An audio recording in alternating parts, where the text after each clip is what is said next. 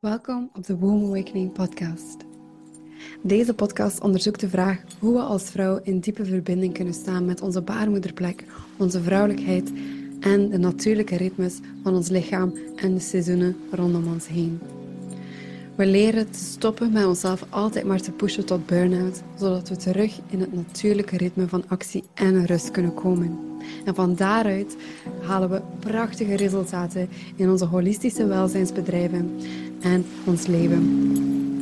Hoi, ik ben Sarah Dus en welkom op deze podcast. Welkom op de allereerste episode, de aflevering waarin we diep gaan uitleggen, diep gaan afzakken in het mysterie van Womb Awakening. En hopelijk na de aflevering dat je meer weet hebt van wat er achter het mysterie zit. En dat je die dan ook effectief in jouw eigen lichaam, in jouw eigen, eigen vrouwelijke lichaam kan gaan voelen, gaan ervaren. En dat je een andere kijk hebt op het vrouw zijn.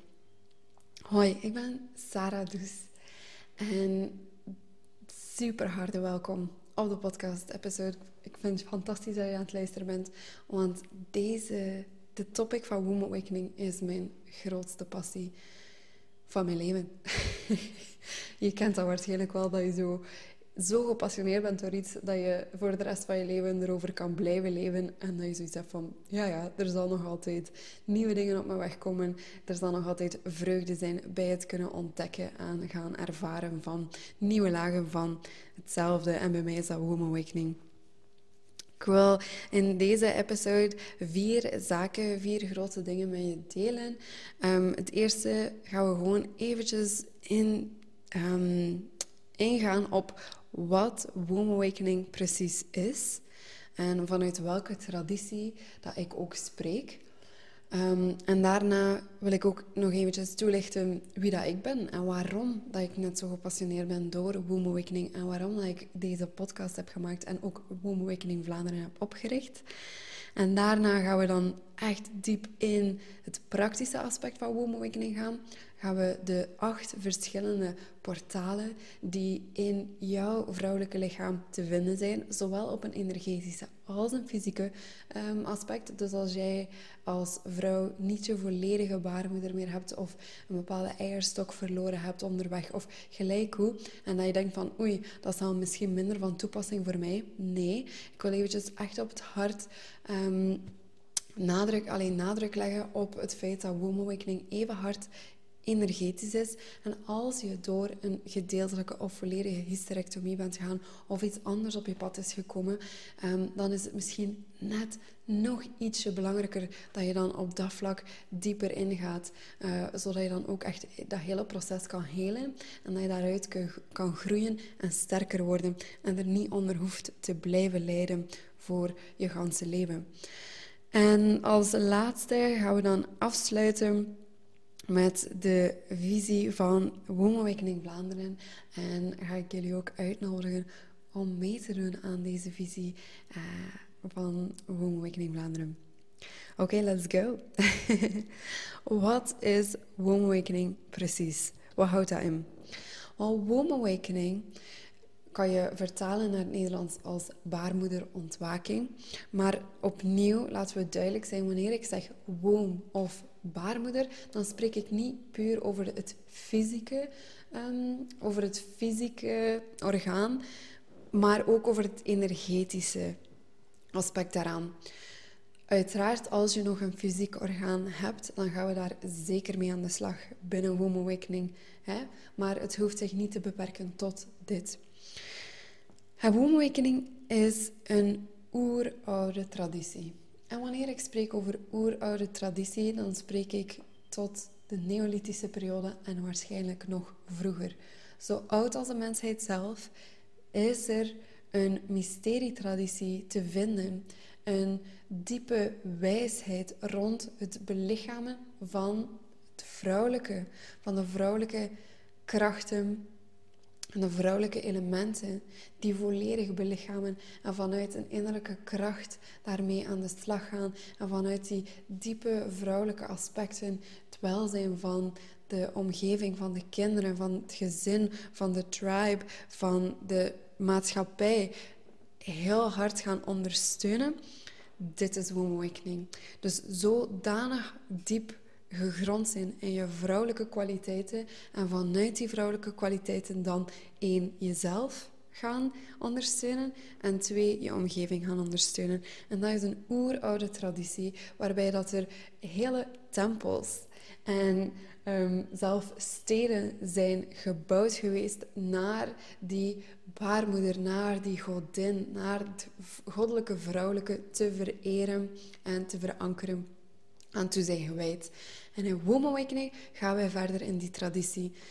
Wanneer dat we spreken over het eren van het goddelijke vrouwelijke, brengt ons dat uiteraard terug naar wanneer dat de goddelijke vrouwelijke niet is geëerd. En in de dag van vandaag wordt dat eigenlijk nog maar net terug, is er nog maar net terug ruimte om het vrouwelijke volledig te eren. Want voor een hele lange tijd in de patriarchale samenleving werden de vrouwelijke eigenschappen onderdrukt, gezien als minderwaardig, gezien als labiel, gezien als um, gevaarlijk, uh, als duivels en noem maar op. En dus heel veel vrouwen de dag van vandaag kampen met ontzettend veel um, zelfhaat, met fysieke pijn, met ziektes of um, fysieke problemen op een korte en chronische termijn.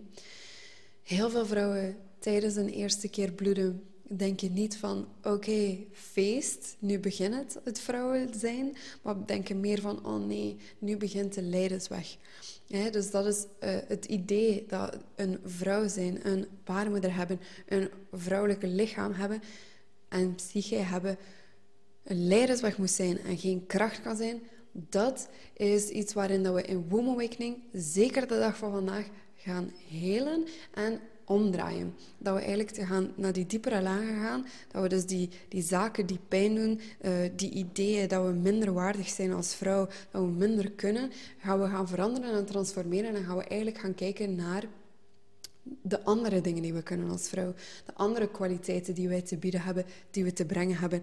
En dit, Womb Awakening, is dan zowel een hele filosofische, spirituele richting, traditie, maar is ook een hele praktische en belichaamde traditie. Het is niet de traditie waarin dat we urenlang stil gaan mediteren en proberen uit ons lichaam weg te gaan en enkel maar in de ratio en in de gedachten gaan afspelen. Daar speelt een deel zich af van de Womb Awakening traditie, uiteraard. Maar Womb Awakening is eerst en vooral in het lichaam afzakken. In het lichaam afzakken en daar eigenlijk de godin gaan ontmoeten in jouw lichaam. Elke vrouw is een weerspiegeling van het goddelijke vrouwelijke. En als je moeite hebt met je uiterlijk, als je moeite hebt met je lichaam, als je pijn hebt of als je iets negatief ervaart over jezelf, dan ga door de traditie van woonawakening kan je dat dan gaan helen, waardoor dat je dan jezelf effectief gaat kunnen ervaren en zien als een deel van het goddelijke vrouwelijke. En dan hopelijk en in heel veel gevallen ook die pijn gaan kunnen transformeren, zodat je je goed voelt in je lichaam. Zodat je niet maandelijks last hebt. Zodat je geen moeilijke overgang hebt in de menopauze. Maar dat je echt vanuit je vrouwelijke kracht gaat bewegen. en um, de funderingen van Womb Awakening draaien eigenlijk rond die vrouwelijke eigenschappen van geboorte en dood eren. En dat klinkt heel luguber, maar opnieuw is dat eigenlijk iets dat we hebben geërfd van de zeker katholieke geloofsovertuiging. Hier in Vlaanderen was het ook katholiek, dus we hebben onderling ook op een um, eerste zicht, op een eerste laag, hebben onze ouders, zeker mijn ouders, uh, misschien uh, hangt af van hoe oud je zelf bent. Um, misschien was jij daarbij, die zich hebben afgezet naar de katholieke kerk. Die hebben gezegd van nee, we gaan niet meer elke zondag naar de mis. Uh, die priester die hier komt vertellen wat ik moet doen met mijn leven, moet gewoon zijn mond houden. Want hij is zelf niet uh, in recht met, met het christendom waarvoor dat hij staat. Dus op een eerste laag hebben we eigenlijk heel veel van die um, christelijke katholieke beperkende overtuiging kunnen gaan weghalen al. Maar de diepere lagen, de diepere geloofsovertuiging, zoals angst hebben voor het dood, angst hebben voor de donkerte, angst hebben voor de onderwereld, de hel. Dit is allemaal wel nog zaken die we nog diep, diep, diep meedragen in ons lichaam, in onze baarmoeder, in, ons, um, in onze psyche en die heel veel zaken in ons leven onnodig moeilijk maken. En bij Womb Awakening gaan we eigenlijk vanuit twee hele grote stromen werken. En die stromen zijn te vinden overal in de natuur. Die zijn te vinden in de natuur, in de seizoenen op aarde rondom ons. Die zijn te vinden in de natuur, in ons lichaam, in onze hormonen en onze uh, originele lichamelijke blueprint. En die zijn te vinden in de kosmos, in de planeten die rond ons cirkelen, in het zonnestelsel, maar ver daarbuiten, in eigenlijk de volledige heelal dat we deel van uitmaken.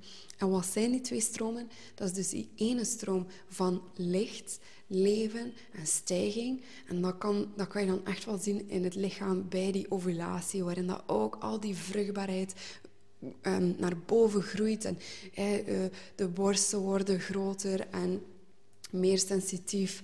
Uh, vrouwen, hun, uh, hun stem wordt ook aangenamer. Um, vrouwen gaan meer gaan stralen. Ze voelen hun energieker. Ze zijn vruchtbaarder in zowel het energetische als fysieke aspect.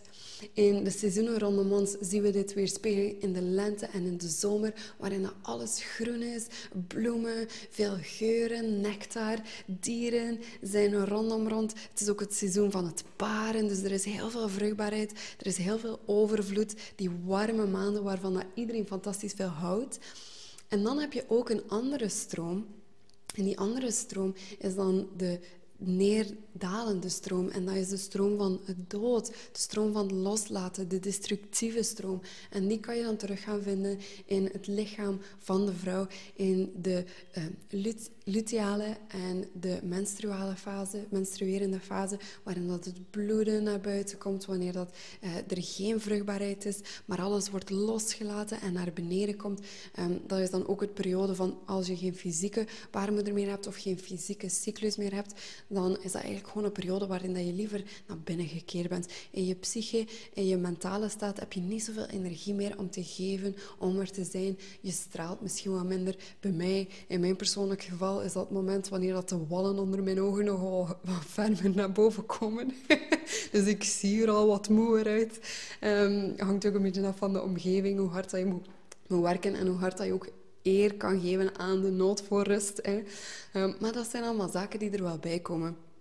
In de natuur rondom ons is dat de stroming, de destructieve kant, zien we dan in de herfst en in de winter, waarin alle blaadjes worden gelost, wanneer dat ook alles, al die energie, alles is kaal. Wanneer dat ik het nu aan het opnemen ben, zijn we eigenlijk net in die overgang van winter naar eh, lente, maar alles is kaal, alles is grauw, van die donkere bruine kleuren. Donkergroen is ook wel nog te vinden in de sparren en in de klimop en zo, maar heel veel zaken hebben gewoon heel veel leven verloren en het ziet er allemaal maar doods uit. Dat zijn ook de, het seizoen dat waarschijnlijk het minste liefde heeft over het algemeen, zeker in de mainstream. Iedereen wil voor altijd maar zomer. Maar in de Womb Awakening gaan we eigenlijk beide die stromen gaan eren en hun krachten en giften van gaan herkennen en toe-eigenen. Zowel de destructieve stroom als de groeiende stroom hebben iets moois te bieden. Leven is enkel maar mogelijk doordat er een moment is van rust. Doordat de blaadjes vallen op de vloer en dat er een composteringsproces is. En die composteringsproces, dus dat compost, dat dood, gaat dan uiteindelijk ervoor zorgen dat er een hergeboorte kan komen en dat het leven zich kan voortzetten. En vanuit de mainstream cultuur die we hebben geërfd van het katholieke geloofsovertuiging, maar die zeker en super hard wordt voortgezet in de um, meer industrialiseren, uh, de industriële wereld, de meer rationele, intellectuele wereld, is er heel veel ruimte voor stijging. Is er heel veel ruimte voor groei. Is er heel veel ruimte voor die expressie, voor die vruchtbaarheid.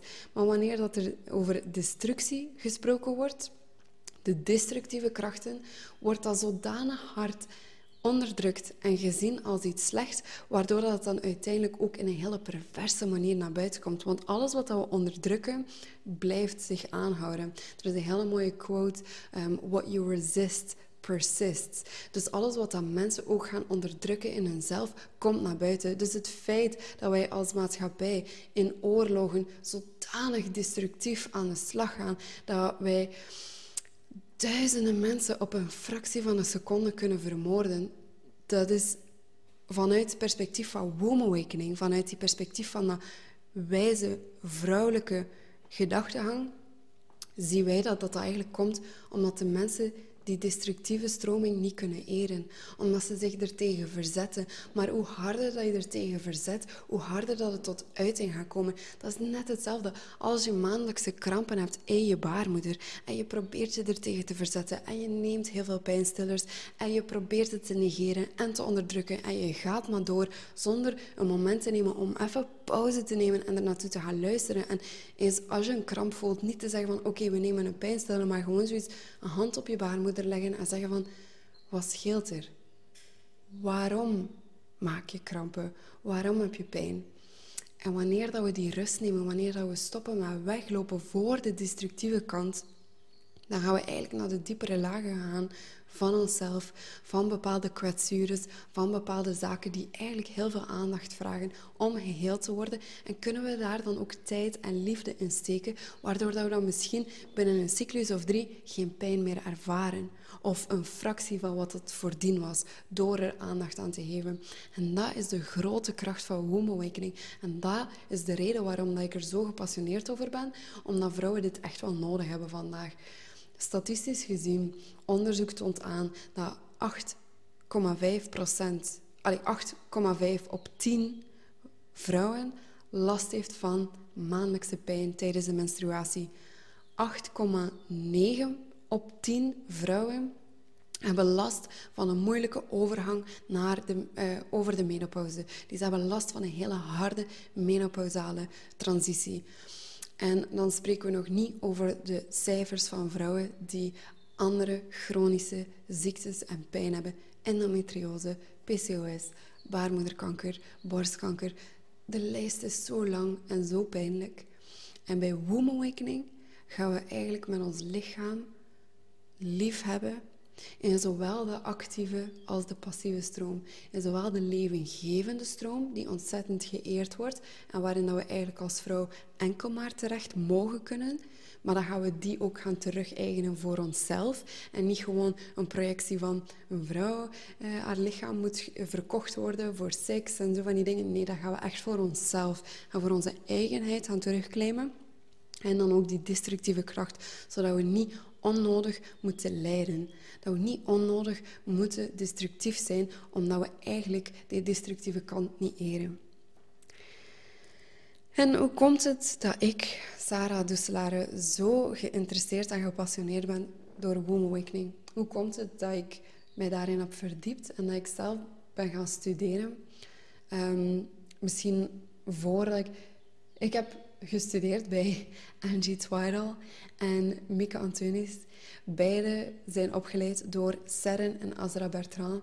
En voor de mensen die deze podcast hebben gevonden en Womb Awakening Vlaanderen hebben gevonden, gaan misschien al de link gelegd hebben met het werk van Serren Azra Bertrand. Die hebben een fantastisch boek geschreven, Womb Awakening heet het.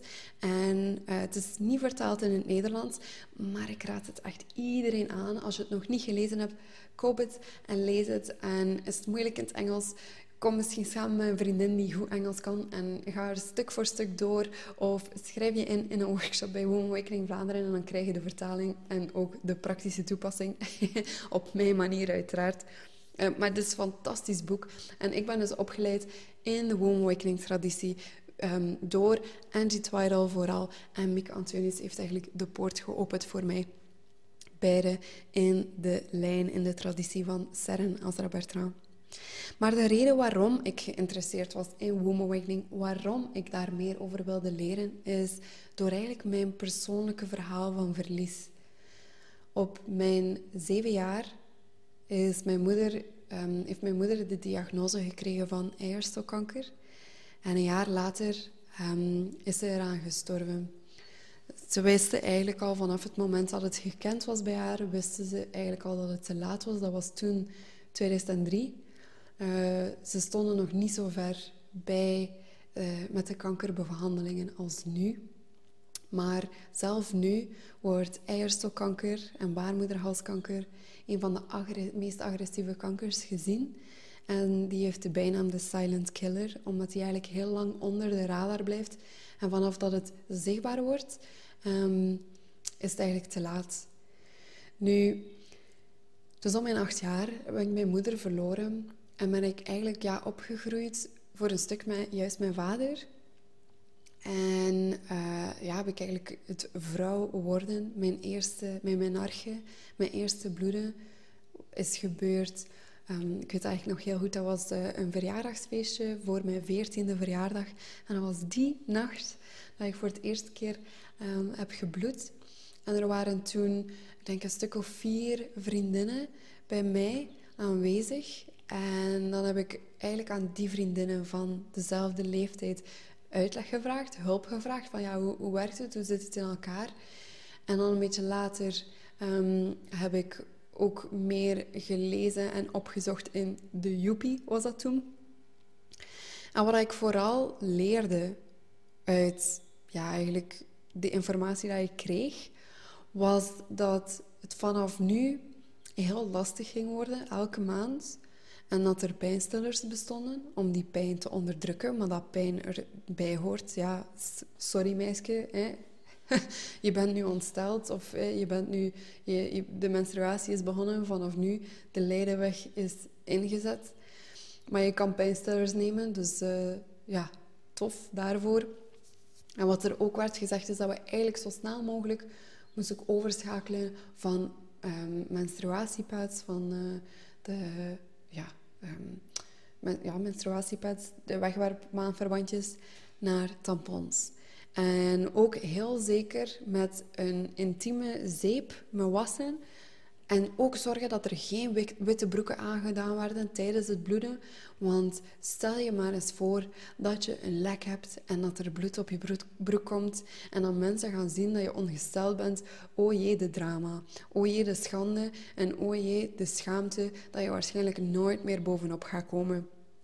Dus eigenlijk de, de inhoud van wat ik meekrijg en wat waarschijnlijk ongeacht super herkenbaar gaat zijn voor de vrouwen die luisteren, voor jullie, is um, dat we eigenlijk ons moesten schamen en dat het heel veel pijn zou doen.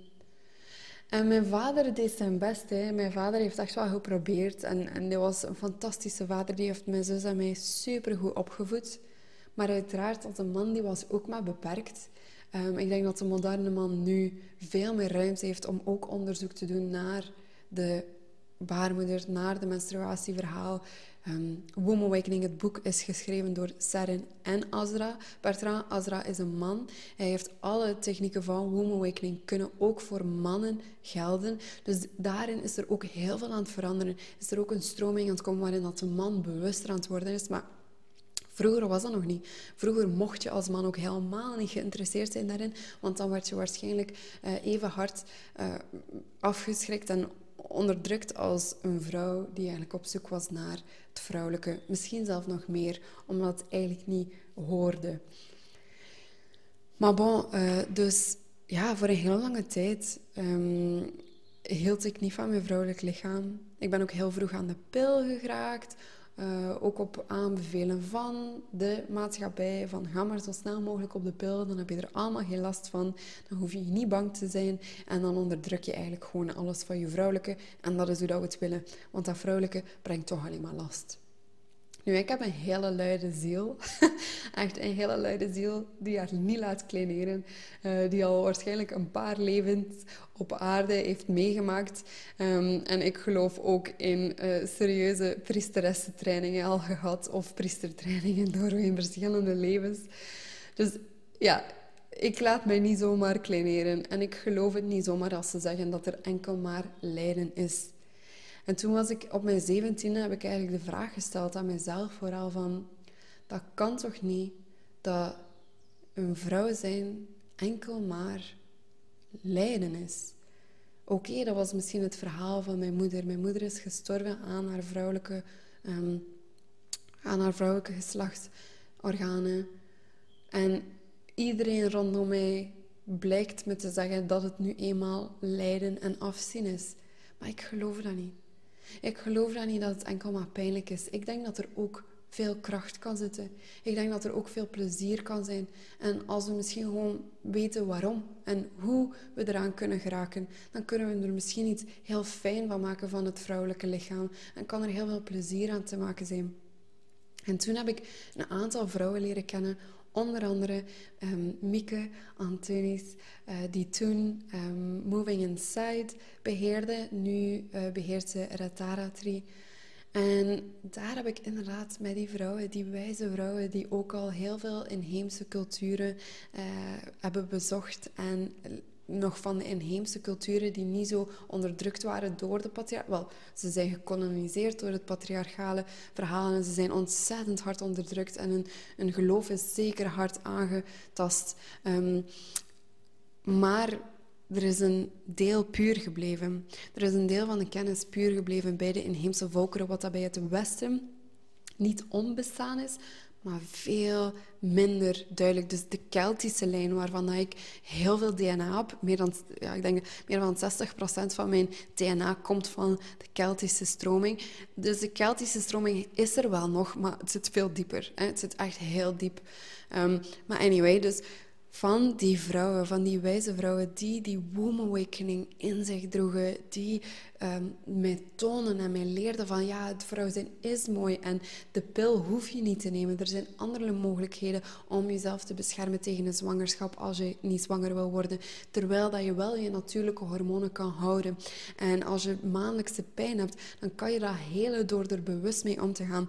En zo ben ik eigenlijk van mijn 17 tot en met ja, hoe oud was ik? Mijn 23 of zo. Echt wel diep gaan afzakken in mezelf. En al die lagen, dat was dan ook ja, het verlies van mijn moeder.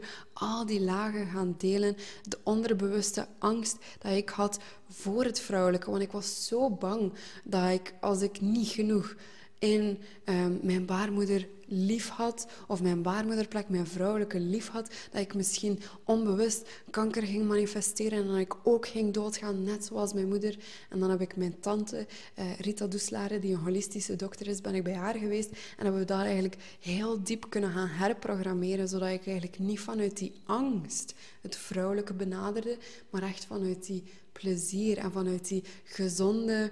Um, curiosity in het Engels. Um, in het Nederlands, ik ga er nu even niet op komen. Anyway, maar vanuit zo echt een gezonde. Oeh, oeh, oh, wat kan het zijn? En oeh, nieuwsgierigheid. en vanuit die gezonde nieuwsgierigheid het vrouwelijke kan benaderen.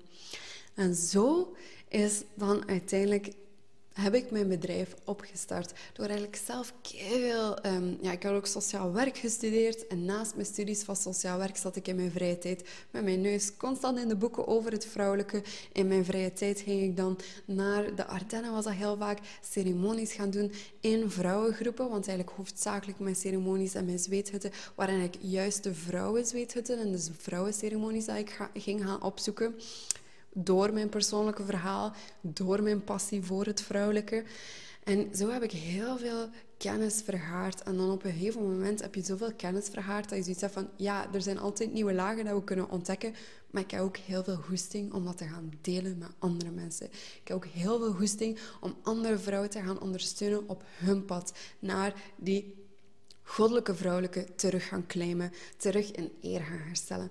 En zo is mijn bedrijf Dus dan gestart. En vanuit een paar jaar verder um, sta ik hier voor jullie en heb ik een onder- en zijtak van Dus Woman Awakening Vlaanderen opgericht. En die Woman Awakening Vlaanderen is um, heel bewust een unanieme naam. Een naam dat niet mijn persoonlijke naam is, maar een naam Woman Awakening Vlaanderen.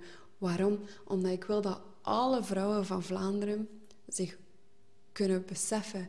En wanneer ze voor het eerst bloeden, of wanneer ze als vrouw geboren worden, of in de menopauze gaan, niet hoeven te denken van, oh, de lijdensweg begint, maar dat ze kunnen denken van, wow, de krachtweg begint.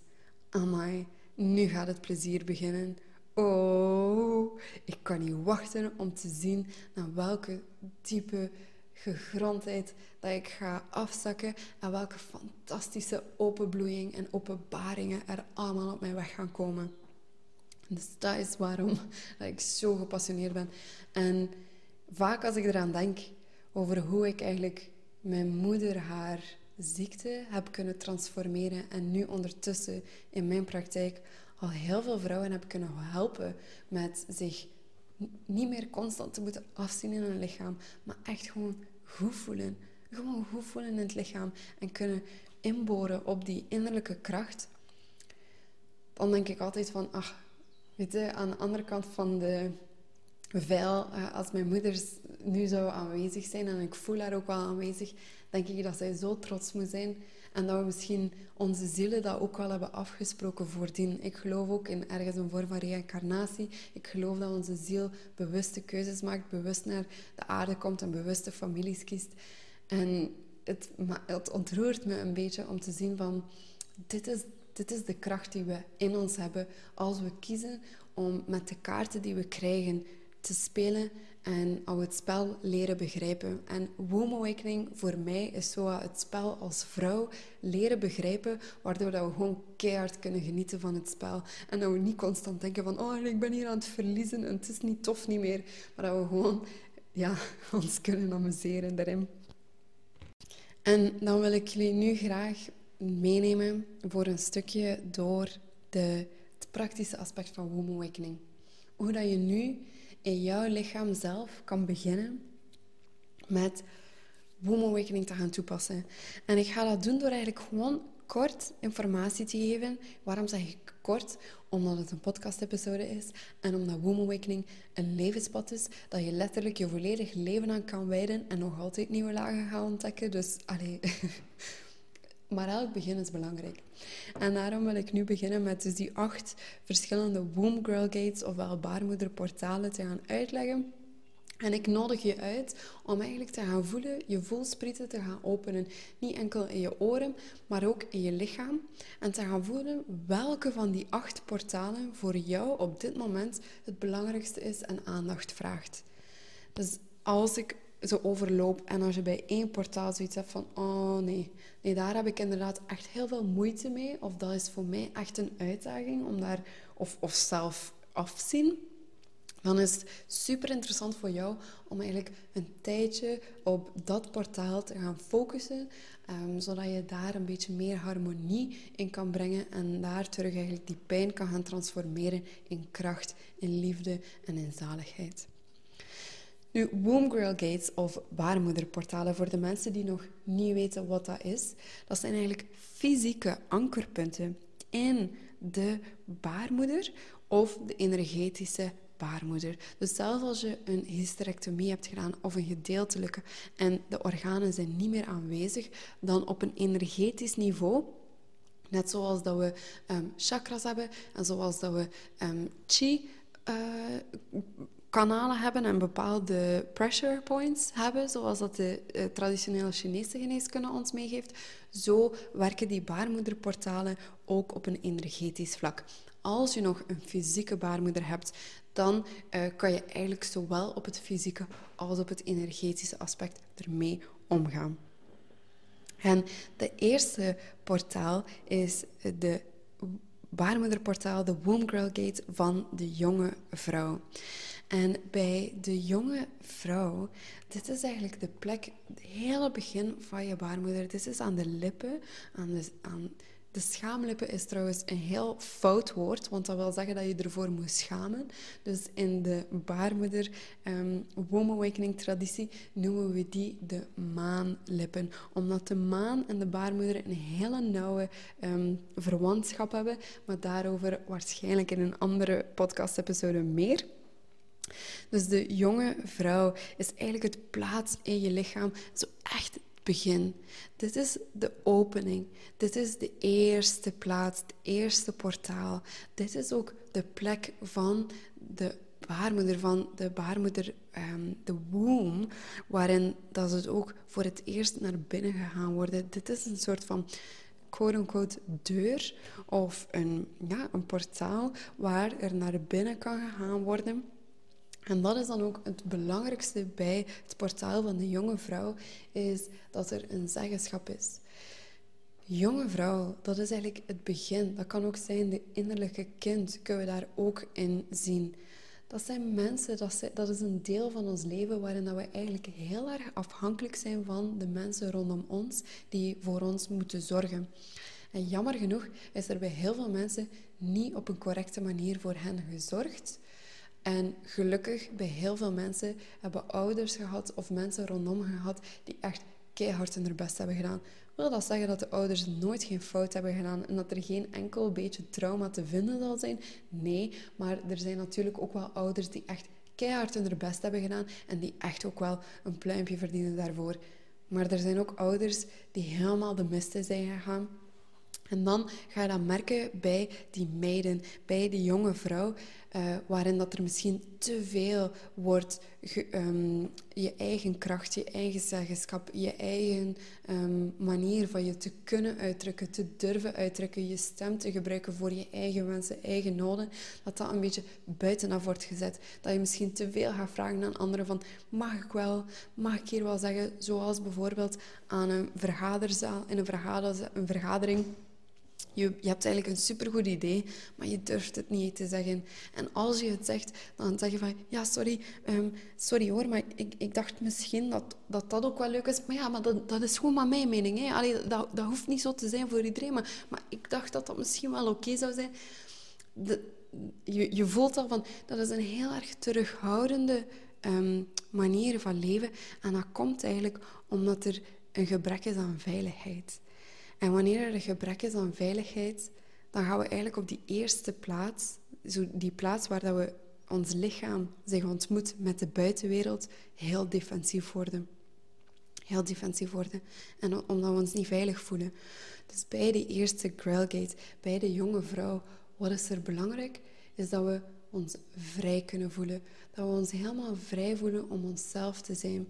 Misschien zijn we niet overal welkom, maar we willen waarschijnlijk ook niet overal zijn. Maar wat er belangrijk is, is in de plaatsen waar dat we willen zijn of dat we moeten zijn, dat we volledig onszelf zijn en dat we ons veilig voelen in onszelf. Dat we ons veilig voelen om onze mening te delen. Dat we ook gehoord worden. Want heel veel kinderen of jonge mensen worden genegeerd omdat oh, je hebt nog geen ervaring. Maar die onschuldigheid brengt zoveel kracht, zoveel passie en zoveel verbeeldingsvermogen dat het een heel belangrijk aspect is van onszelf. En in die eerste Womb Girl Gate, in die eerste portaal, gaan we dat gaan eren en we gaan we daarin verankeren. De tweede portaal is die van de lover of de moeder. En die wordt eigenlijk fysiek geankerd in de clitoris. En als je spreekt over de clitoris, dan weet je dat je spreekt over plezier. En dit is eigenlijk de plaats waarin dat er plezier wordt uitgenodigd, waarin dat we heel erg in verbinding staan met onze creatiekracht, maar creatie vanuit plezier. En dat gaan we dan ook gaan doen in de tweede baarmoederportaal. Gaan we gaan kijken van creëren we vanuit plezier, vanuit passie, vanuit overvloed of creëren we vanuit angst?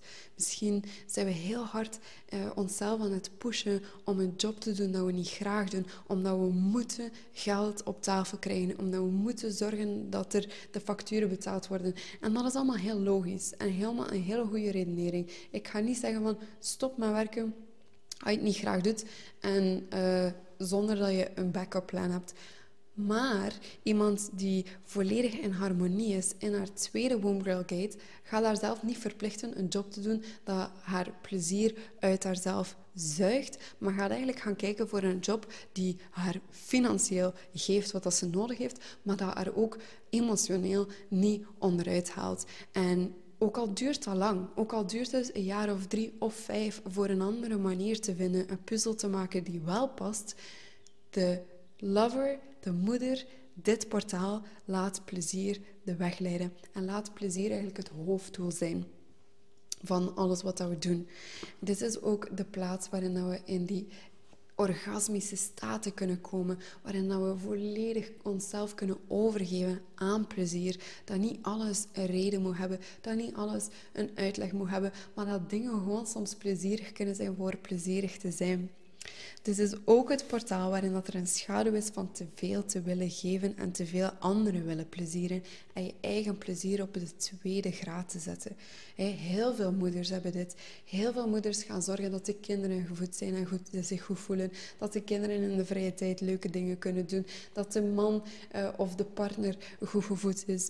Um, dat eigenlijk alles rondom rond. Dat, dat de moeder de ouders goed voelen. Dat de schoonouders content zijn. Dat de baas content is. Dat oh, de klanten content zijn. Iedereen moet plezier hebben. Iedereen moet content zijn. Maar moeder, ga zwijgen. En dat is, dat is de verkeerde manier om te denken. Want er is ook een hele leuke gezegde en die zegt: If mama ain't happy, ain't nobody happy. Dus de beste manier om je gezin gelukkig te maken is door zelf geluk toe te laten voor jezelf eerst. Dus in de Lover Mother Girl Gate gaan we eigenlijk gaan oefenen op die sacred selfishness, op die heilige um, egoïsme. Dat, oh, maar niet egoïsme vanuit het narcistische standpunt, maar dat gezonde egoïsme van en nu ga ik even gewoon mijn kinderen bij de ouders zetten en gaan we heel de avond keihard liefde bedrijven en is het gewoon voor mijn plezier. en dan ga je merken dat de partner, als hij jou oprecht graag ziet, daar ook ontzettend veel plezier uit haalt. dus dat is wat de moeder, de tweede Grailgate, kan um, teweegbrengen. De derde is van de oude wijze vrouw. En dat is de crone, uh, in het Engels genoemd. En dit gaat eigenlijk over de oudere aspect van het, van het. En dit wordt op de fysieke plaats geankerd van de cervix.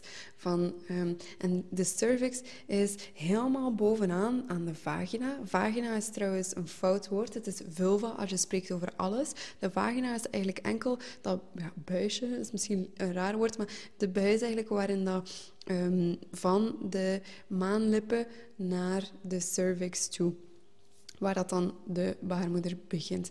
En die cervix is een portaal, is eigenlijk een klein portaal waar dat um, dan ofwel de baby uitkomt tijdens een bevalling. Dit uh, dit is ook de plaats waar dat het bloed doordruppelt tijdens de menstruatie. Dit is de plaats waar dat sperma naar boven en binnenkomt um, wanneer dat er geval is van een penetratie enzovoort. Dus de cervix is een portaal. De cervix is een overgang van het ene naar het andere. En dit is ook wat dat de oude wijze vrouw belichaamt. Zij staat aan die overgang tussen leven en dood. Ja, ze leeft nog. Er is nog heel veel leven in haar. En zeker in de moderne wereld, waarin dan mensen weer ouder en ouder worden en langer gezond en levendig zijn, uh, is dat zeker veel langer. Maar ze staat wel aan dat portaal en zij belichaamt ontzettend veel wijsheid.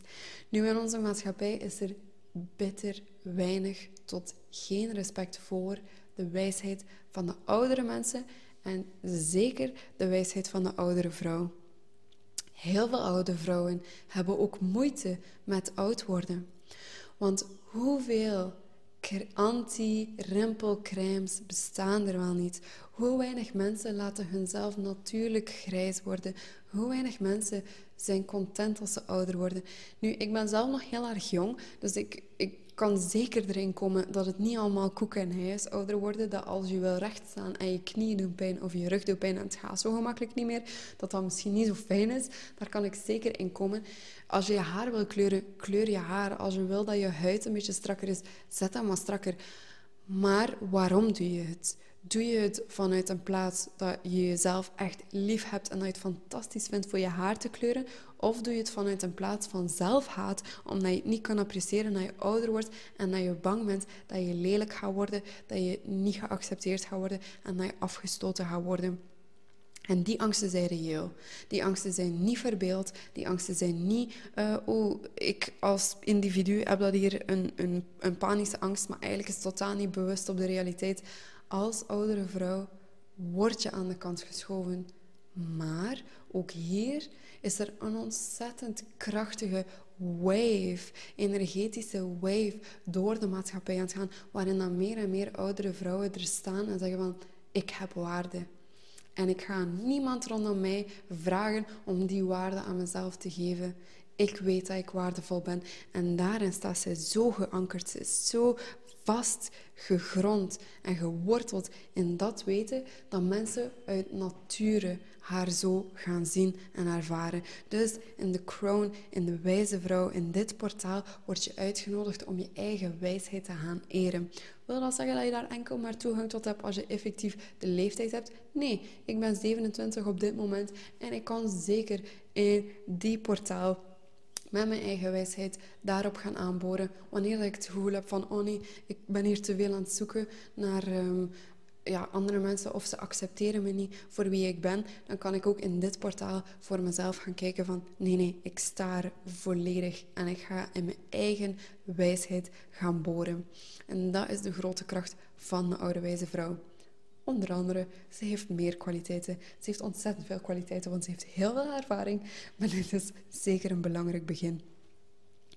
En dan als we door dit portaal van de cervix zijn gegaan, als we door die drie archetypes van het vrouwelijke hebben gewandeld, hebben gereisd vanuit de Home Awakening, komen we terecht in de baarmoeder zelf. En aan de onderkant van de baarmoeder heb je het vierde baarmoederportaal van het element aarde. En het element aarde staat voor de kracht van de vrouw die kan manifesteren. De kracht van de vrouw die geniet van eten, die ook voor haarzelf zorgt met eten. Zij is degene die, um, ik doe me altijd denken aan de kitchen witch. Hè? De vrouw uh, die aan het vuur staat, die super lekker eten maakt voor iedereen, die zorgt voor haar gezin, die zorgt voor andere mensen, maar vanuit die volledige overvloed van lekkernijen. Um, dit is ook de plaats waarin dat um, materiële welzijn wordt aangetrokken. Dit is de plaats waarin dat we ons heel goed voelen met geld. Dat we het gemakkelijk vinden om geld aan te trekken vanuit de zaken die we graag doen. Wanneer dat je een bedrijf op poten stelt, een welzijnsbedrijf of een holistisch of spiritueel bedrijf, dat je daar ook geld mee kan verdienen en dat je volledig vergoed wordt voor je krachten, voor je kwaliteiten. Um, en dat is eigenlijk de kracht van het aardeportaal. Onder andere, opnieuw, er zijn heel veel. Dit is een beperkte inkijk, maar een zeker goed, goed begin. Wanneer dat het aarde Grailgate, wanneer het aarde uh, baarmoederportaal niet in balans is of in disbalans is, dan merken we dat er heel veel moeite is met geld. Um, ofwel geld aantrekken, ofwel geld omgaan met geld. Dat er misschien een soort van haat is, of de ideeën van ah, geld is het, uh, de bron van al het kwade. Um, dat hoeft niet zo te zijn. En eigenlijk in het aarde, wanneer dat in harmonie is, wordt dit um, terug in harmonie gezet. Ik wil hier wel eventjes benadrukken, en zeker vanuit mijn ervaring als sociaal werker, wil ik, geloof ik niet in, heel vaak in de spirituele wereld, waar het gaat over um, wealth consciousness, zeker in het Engels, misschien in het Nederlands is dat nog iets anders, um, maar is er heel vaak een overtuiging dat je overvloed kan aantrekken puur vanuit je mindset veranderen. En of moest je nu denken van, oh oké, als ik dit vierde portaal in harmonie stel, dan, ga ik, dan is dat het probleem mee opgelost. Er is ook zoiets als generationeel, generationele armoede. Er is zoiets als mensen die in armoede leven, die um, minder of ondervoed zijn geweest of minder toegang hebben tot voedzaam eten. En zeker als we gaan kijken naar biologisch eten, met genoeg groenten, met genoeg verse dingen, dat, dat, dat kost veel geld en dat wordt altijd maar duurder. Dus dat is niet simpel. En als je daar geen toegang tot hebt, dan ga je ook in je lichaam en in je mentale, je hersenen, je capaciteit wordt iets lager. Dat is keer op keer bewezen. Dus het idee dat je gewoon je mentale stand moet aanpassen of je vierde baarmoederportaal moet in harmonie brengen en daarmee is alles opgelost, is veel te gemakkelijk. Maar ik heb wel gezien dat wanneer mensen ook vanuit diepere lagen ermee aan de slag gaan, dat ze wel vooruitgang boeken en dat ze wel bijvoorbeeld intergenerationele armoede doorbreken en dan andere zaken kunnen meegeven aan de volgende generatie. Dus, en dat is zo het mooie wat ik persoonlijk vind aan de traditie van Home Awakening. Het is niet all love and light. Er is er zijn problemen, er zijn grote problemen en er zijn serieuze dingen waar dat eigenlijk gewoon met te zeggen van oh, ik ga hier wat spiritueel zitten mediteren en mijn problemen gaan opgelost worden, dat is te gemakkelijk en dat voldoet niet aan alle problemen. En dat is wat het aardeportaal ook brengt. Het is geaard, het is gegrond, het is gegrond in de materie. Een vrouw die in haar aardeportaal in harmonie zit, die is gegrond in de werkelijkheid. Die heeft geen zin om te zeggen van oh, ik ga hier gewoon de hele dagen maar mediteren en dan gaat het leven opgelost zijn. Of in mijn geval was dat een hele lange periode ben ik verslaafd geweest aan wiet. Dan ging ik gewoon wat wiet smoren en dan dacht ik van ja, daarmee zijn de problemen dan even opgelost. Nee. En wanneer je in de aarde baarmoederportaal geankerd bent, dan sta je stevig gegrond in de realiteit, in het hier en nu. Maar dan heb je wel toegang tot je eigen kracht en capaciteit om veranderingen teweeg te brengen die ten goede komen van jou, van je gezin, van je omgeving en van de aarde. Dit zijn de vrouwen die ook grenzen trekken tegen bedrijven zoals Monsanto, Coca-Cola en andere bedrijven, KBC, weet ik veel wat nog allemaal, die de aarde kapot aan het maken zijn. Dit zijn de vrouwen die zeggen van fuck you, niet meer. Want dit is de realiteit en je gaat te ver. He, dus super belangrijk portaal. um, anyway, dan in het volgende portaal, het vijfde, zitten we in het element vuur. En dit wordt geankerd op de rechter um, eierstok. En dit is de plaats waar er drive is, waar dat er passie is, waar dat er oef van die goesting is. Um, je zou kunnen denken aan ook de, um, de sterrenbeelden van Ram de boogschutter, de leeuw. Er zit daar echt een drive en een passie, een, een goesting om naar buiten te komen met ideeën, een goesting om in actie te schieten. En dat zijn dan ook de kwaliteiten van het vijfde baarmoederportaal. Is, dit is de plaats waarin dat de ideeën die je hebt, de dromen die je hebt, die je hebt gekregen, dat je daar dan ook durft actie op ondernemen. Dat je ze ook gaat uitvoeren. Dat je niet um, jezelf belemmert. Wanneer dat een vijfde portaal in disbalans is, zijn dat heel vaak vrouwen die ofwel te kritisch zijn op zichzelf, dat niets goed genoeg is, vanuit vaak een angst dat het misschien niet gaat lukken. Dus dat ze eigenlijk weinig tot niets ondernemen, omdat ze bang zijn dat het toch geen zin heeft. Dus te hoge zelfkritiek of te hoge angst. Ofwel is, en dat is heel vaak zo, is dat vrouwen te actief zijn. Te veel doen en niet noodzakelijk te actief zijn in het realiseren van dromen. Heel vaak te actief zijn, te veel geven, te veel opnemen, te veel in actie zitten, nooit geen rust nemen, altijd maar voor de kindjes zorgen, voor de partner zorgen, voor de baas zorgen, voor Jan en Alleman zorgen, ten koste van jezelf. En hier in deze portaal kan je dit in balans stellen. Dat je eigenlijk gewoon tussen... En dan, dan ga je ook vaak gaan werken met water. Dat is dan de zevende, waarin dat dan de linker eierstok zit. En als je die twee in balans bent, zit je echt tussen zo'n mooie geven en nemen flow. Een mooie actie en passieve flow. Dus ik zelf vind, ja, je kan in elke um, baarmoederportaal apart werken en heel diep gaan. Maar als je het gevoel hebt van, mm, ik zit te veel in het geven en ik ontvang niet genoeg, vind ik het interessant om de vijfde en de zevende portaal tegelijkertijd te gaan integreren en te activeren in jezelf in een balans gaan brengen. Zodat je echt wel die balans hebt tussen nemen en geven. En opnieuw, je kan nog veel dieper gaan um, in elke Boom Girl Gate ook.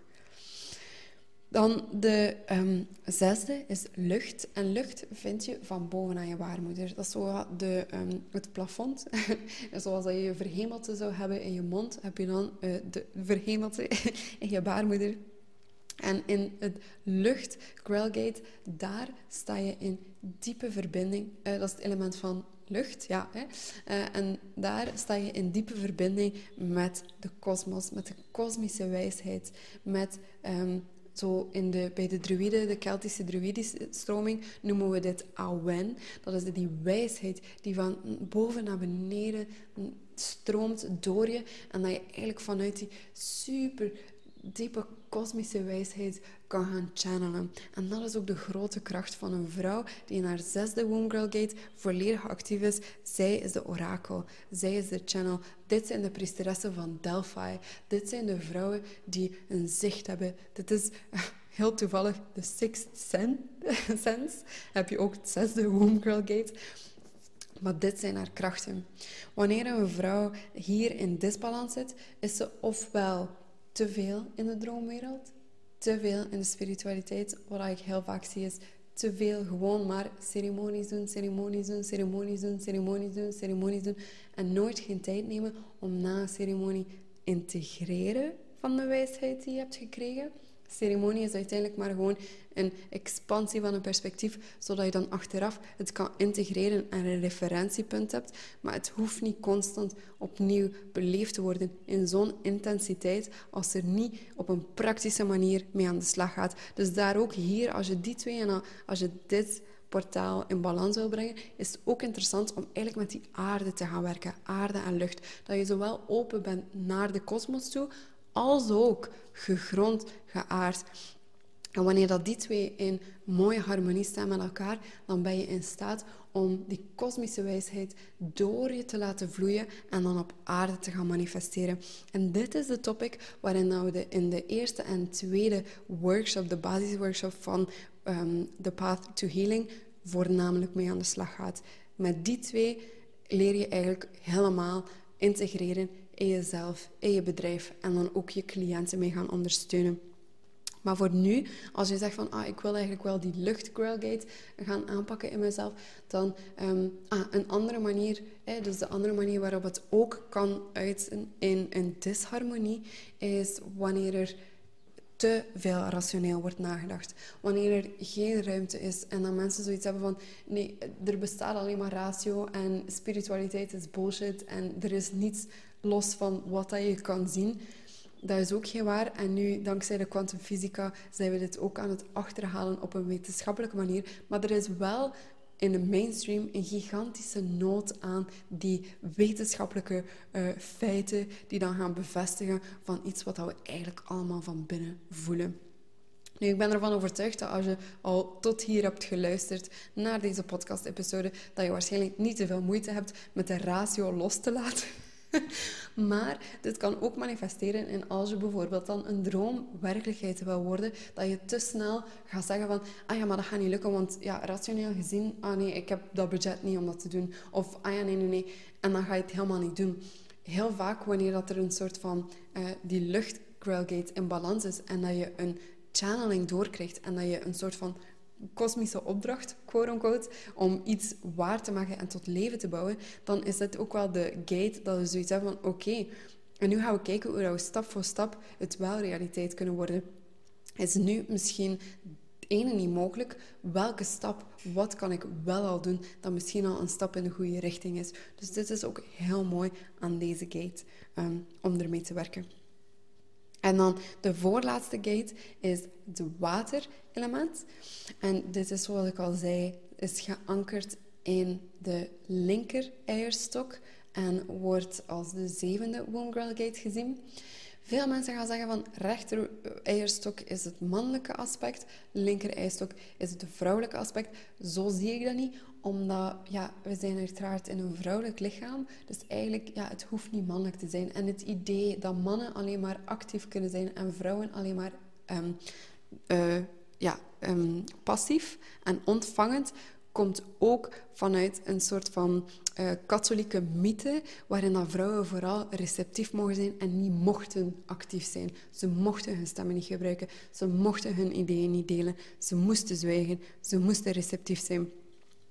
Nu, aan de andere kant is er wel iets van waarheid dat een man, als je het ook gewoon ziet aan de geslachtsdelen, is wat vooruitstrevend, is misschien meer actief en gevend, maar dat wil niet zeggen dat het uitsluitend mannelijk en vrouwelijk is. Dus zo noem ik ze niet, uh, maar als het voor jou helpt, uiteraard, mag je dat zeker zo noemen. Je zou het ook kunnen zien als de yin, yin en de yang, uh, wanneer dat de, um, de vuur uh, en de rechter eierstok dan de yang, yang-energie zou zijn en nu de water En de linker eierstok is dan de yin. En dit is de receptieve kant. Wanneer dat een vrouw hier in balans is, en in harmonie is met haar linker eierstok, dan heeft ze heel veel geluk en capaciteit en plezier. Beleeft ze enorm veel plezier aan het ontvangen van de magie van de wereld. Ontvangen van complimenten, ontvangen van leuke uh, momenten, ontvangen van ook die financiële overvloed. Het ontvangen wordt gemakkelijk. Ontvangen van aandacht, ontvangen van rust, van loslaten, van niet constant te moeten in actie zijn. Dit is wat dat de Water Gate ontzettend hard meegeeft, onder andere. Wanneer het in disbalans is, is er inderdaad een moeite met het ontvangen. Is er een moeite met uh, dingen tot je te laten komen? Is er een moeite met rust nemen? Ik zie dat in heel veel vrouwen en mannen ook, by the way. Maar ik zie dat heel vaak terugkomen dat mensen geen rust kunnen nemen omdat als ze één minuutje stilzitten en eventjes niets doen, al die trauma en die zaken waar dat er nog niet aandacht aan is besteed, naar boven komen brobbelen en oh dear, de vulkaan gaat ontploffen en dat willen we niet, dus we gaan maar actief blijven. Dus we gaan maar ons huis uh, kuisen en stofzuigen, nog terwijl dat we eigenlijk al uitgeput zijn van alles te doen, maar we gaan het toch maar doen, want als we even stilzitten, dan is, wordt het te moeilijk en dan kunnen we er geen tijd aan spenderen en oh my god. In het water-element kunnen we ook die diepere lagen aan. Gaan we op een hele liefdevolle manier met onszelf aan traumaheling doen. Met onszelf en onze mensen rondom ons gaan ondersteunen vanuit een rustige, receptieve manier. Niet vanuit de doe, doe, doe, maar vanuit de laat los en ontvang. En dat is even effectief. En dan de laatste Womb Girl Gate is The Void. En dat is aan het centrum van de baarmoeder. Zoals dat je misschien al ontdekt hebt, als we heel de reis hebben, hebben we een soort van spiraal afgelopen. En dan gaan we helemaal naar het centrum van de baarmoeder, of de baarmoederplek. En daar vinden we de Void, de grote leegte. En de leegte is eigenlijk simultaan een paradox voor het alles en het niets. Dit is point zero. Dit is waar alles mogelijk is en simultaan niets bestaat. En dat is het grote geheim van het vrouwelijke. Het vrouwelijke is alles en niets tegelijkertijd.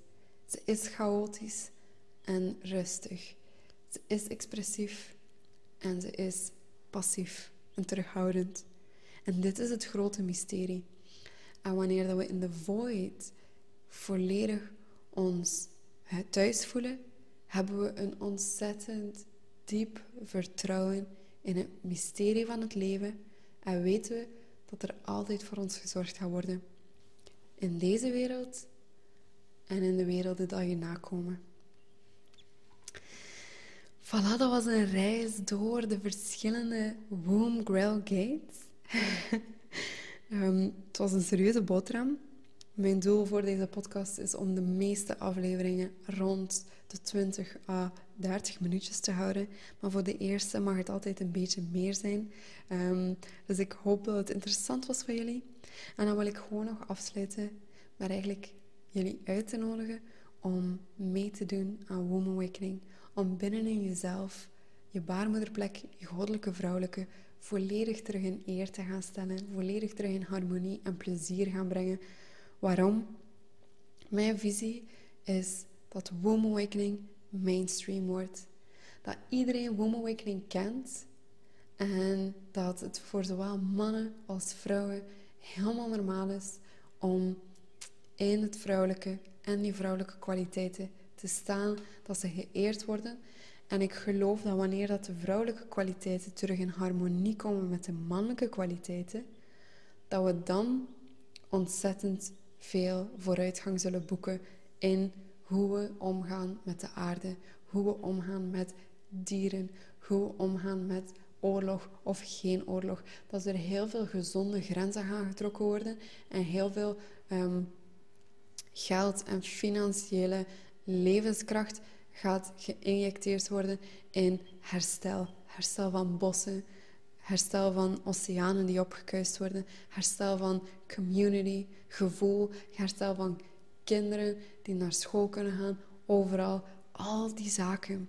Ik ben er zeker van, als vrouwen meer in hun kracht staan en die vrouwelijke kwaliteiten terug in harmonie komen met het mannelijke, dat de relatie tussen ons en het volledige web van het leven terug in balans zal komen. En dit is wat we nodig hebben. Willen we de nieuwe aarde ankeren? Willen we aarde ervaren als Eden? En ik geloof dat het mogelijk is. Misschien niet in onze leven, misschien gaat het een beetje langer duren. En dan is dat maar zo. Maar ik nodig je uit om toch je steentje bij te dragen. Want zelf al is jouw steentje aan de rest van je leven één persoon zich beter laten voelen in haar lichaam, in haar psyche of in zijn leven, dan is het waard geweest. Dankjewel om te luisteren naar de Womb Awakening podcast. Laat zeker weten wat je ervan vond. Ofwel in de comments waar je deze podcast hebt beluisterd, ofwel in de Facebookgroep waarin er ook nog een taal van gratis live trainingen en een super leuke sisterhood community zich aan het ontplooien is rond het thema Womb Awakening en vrouwelijk ondernemen. Kom zeker een kijkje nemen. De link is in de description box. En tot snel!